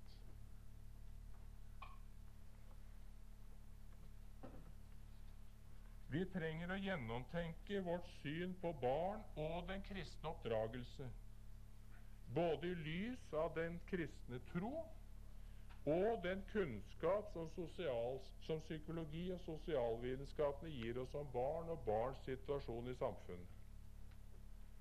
Bibelen gir barnet det fulle menneskeverd og har følgelig krav på respekt fra den voksne side. Og så kan vi diskutere lenge hva det i praksis betyr at vi, også, at, barn, at vi skal respektere barn. Vi må erkjenne at vi står i en kristen oppdragelsestradisjon som også har klare autoritære trekk. En tradisjon som både har tillatt og endog oppmuntret til oppdragelsesmetoder som etter min oppfatning vanskelig lar seg forsvare. Det er mange barn i kristne familier, i hvert fall tidligere, som er blitt slått og banket opp i Guds navn. Vi er nødt til, mener jeg, å se det i øynene at vi også er en del av en slik tradisjon.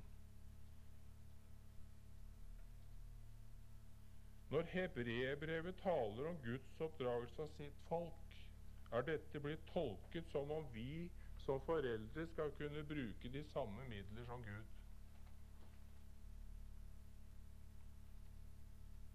Og det har gitt grobunn for mange overgrep mot barn i Guds navn.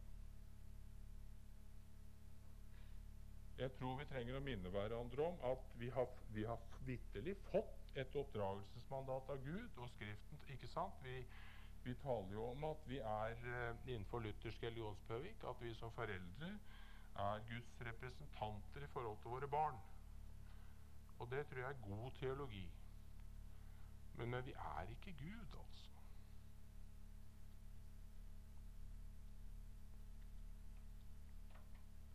Grunnregelen for den kristne oppdragelse er gitt i Efeserbrevet 6,4. Gi dem den oppdragelse og rettledning som er etter Herrens vilje, som det står i den nye norske oversettelsen. Eller gi dem den, oppdra dem i Herrens tukt og formaning. Og tuktbegrepet er jo et av de mest misforståtte etter min oppfatning innenfor kristen oppdragelsestradisjon. På norsk så er tukt blitt helt synonymt med straffeanstalter tukthus som en straffeanstalt. Og dermed oppdragelse blitt forstått som pri, den primære oppdragelsesmetode er straff. Jeg er, for å si det mildt, ikke så helt sikker på om det er bibelsk.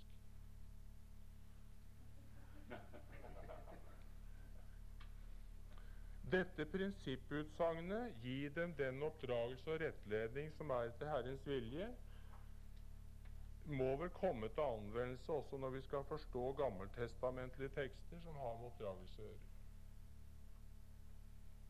Og vi skal legge merke til at det tales ikke om foreldrenes vilje, men etter Herrens vilje.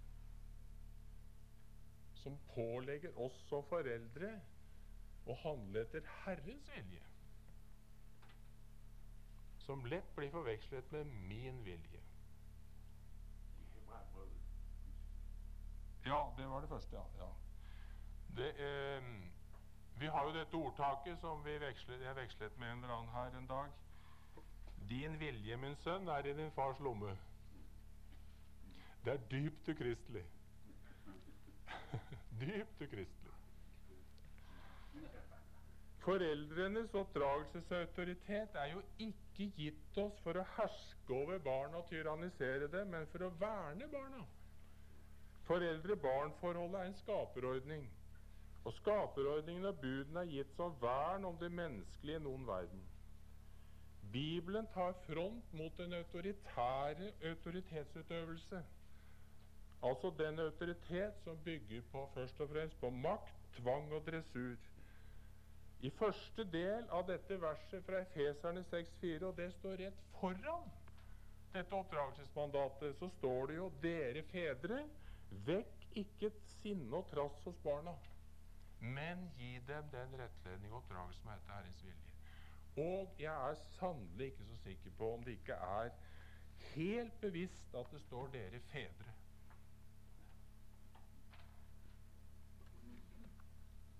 I Kolosserne 23 dere fedre skal ikke behandle barna slik at det blir forbitret og miste motet.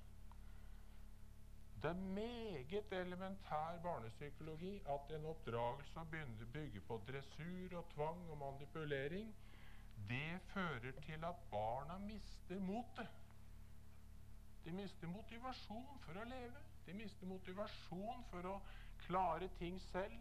De mister selvtillit. Og vi kan bruke en masse psykologiske begreper her.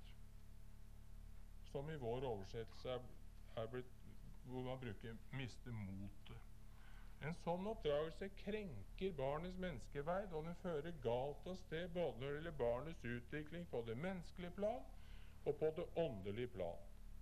På det menneskelige plan vet vi at en oppdragelse som bygger på makt og tvang og straff og dressur, fører til trass og forbitrelse, til underkuelse og personlighetsskader.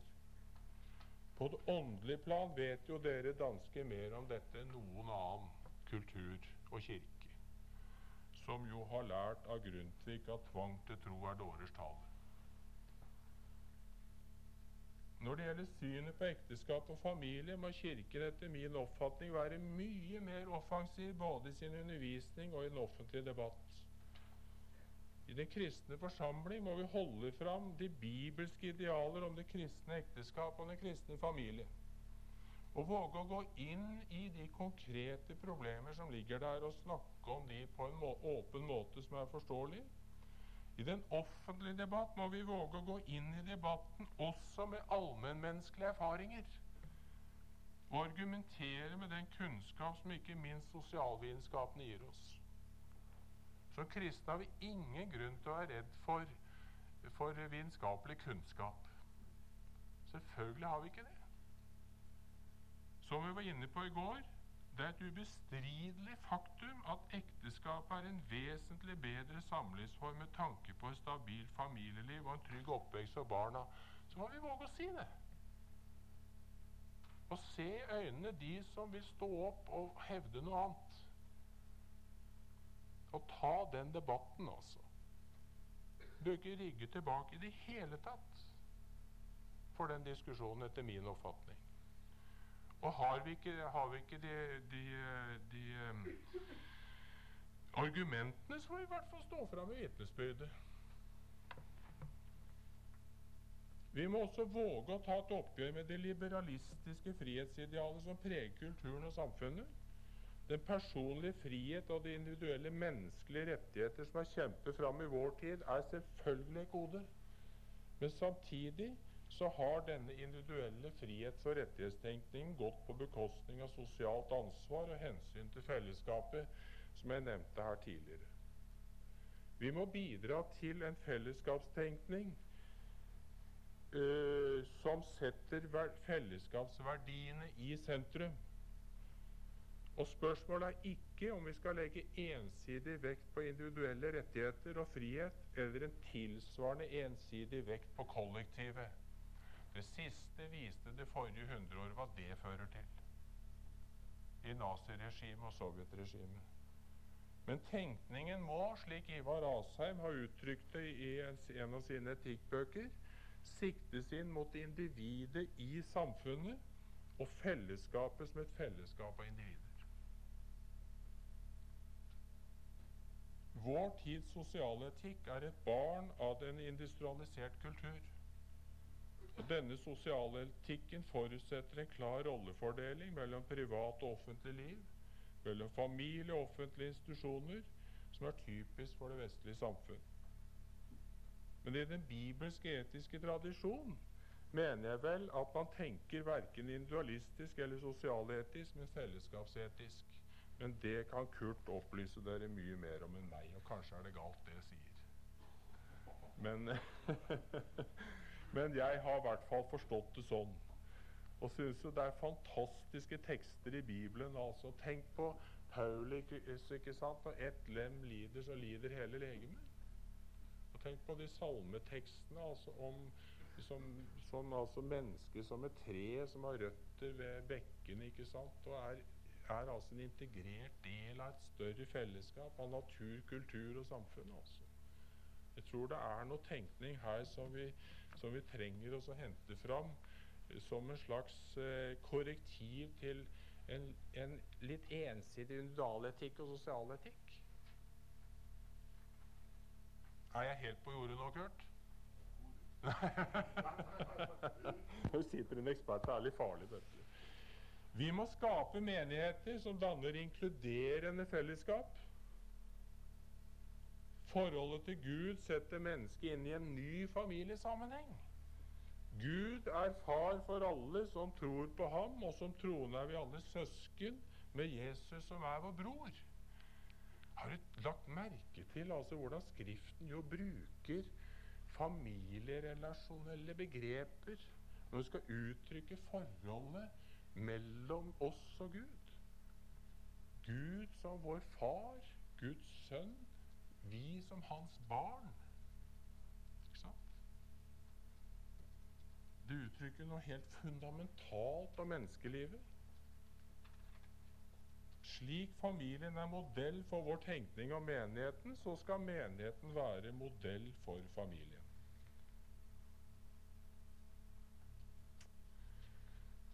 Ja, jeg skulle gjerne sagt litt mer om det, men nå skal jeg prøve å slutte så vi får litt tid. La meg bare få avslutte med et visdomsord som ikke er mitt, og som sikkert mange av dere kjenner. Det kommer mye visdom fra kinesisk kultur, og det sies at en kinesisk vismann har sagt at den som tenker ett år fremover, sår korn. Den som tenker ti år fremover, planter et tre. Den som tenker 100 år fremover, tar ansvar for barn og unge. Og det er meget godt sagt. Problemet, mener jeg, i dagens samfunn er at vi tenker i altfor korte linjer. det ser vi jo tydelig i politikken. Der er det de kjappe eh, ikke sant, innkast og utspill som er saken. Dagsorden. Det er ny dagsorden hver dag. Problemet er at politikerne dermed tenker i eh, altfor korte perioder, i beste fall i fireårsperioder, nemlig valgperiodens lengde. Det gjelder jo ikke deg da, Mogens. Nei. Vi vet i dag faktisk ganske mye om hva som skal til for å skape et godt oppvekstmiljø for barn og unge. Vi vet ganske mye. Men likevel, vi gjør det ikke. Og jeg skulle ønske at Kirken i større grad kunne stå fram og representere en motkultur og et korrektiv til den kortsiktige og materialistiske tankegang som preger dagens samfunn og politiske debatt, ikke minst når det gjelder barn og familieliv. Kirken er jo den institusjon i samfunnet som kanskje mer enn noen annen representerer de langsiktige linjer og perspektiver. Kirken har ikke minst en forpliktelse til å arbeide aktivt og konkret for familieinstitusjonen, slik at denne kunne fungere som den vernende ordning som den er ment å være i en ond, angstfylt og vanskelig verden. Takk for at dere orket å høre på så lenge som dere gjorde.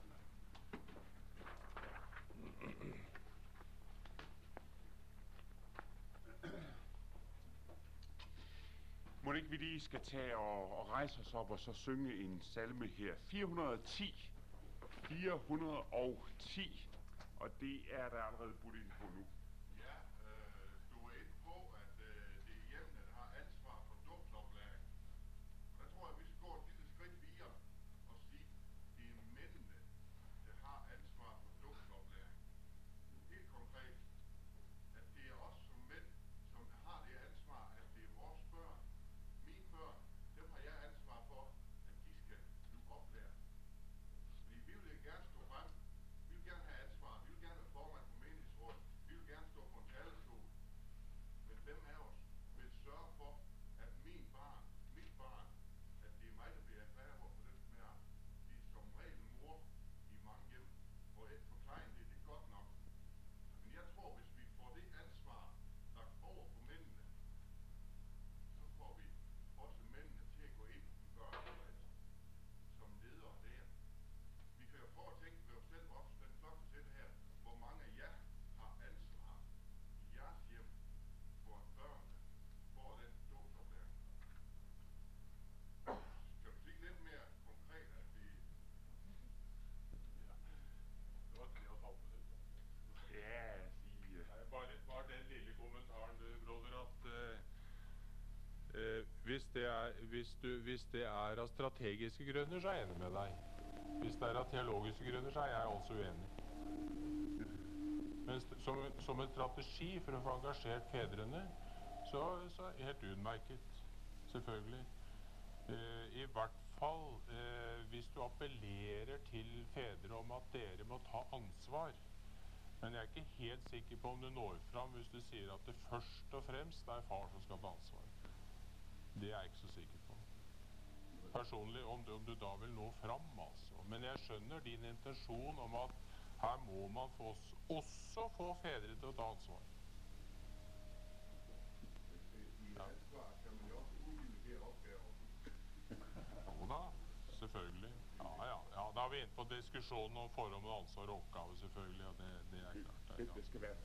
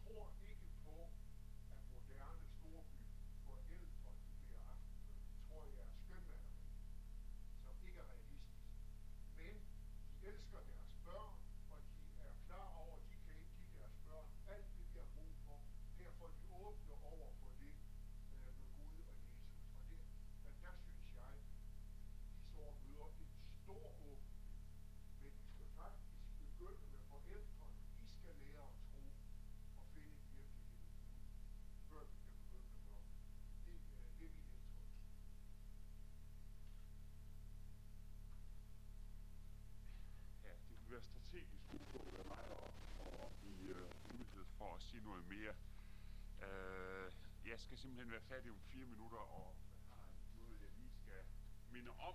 Blandt andet den her øh, øh, evalueringsskema kasse. Øh, læg jeres kommentarer i kassen her, og husk det, det er den måde, I kan være med til at hjælpe os med at give et bedre kursus.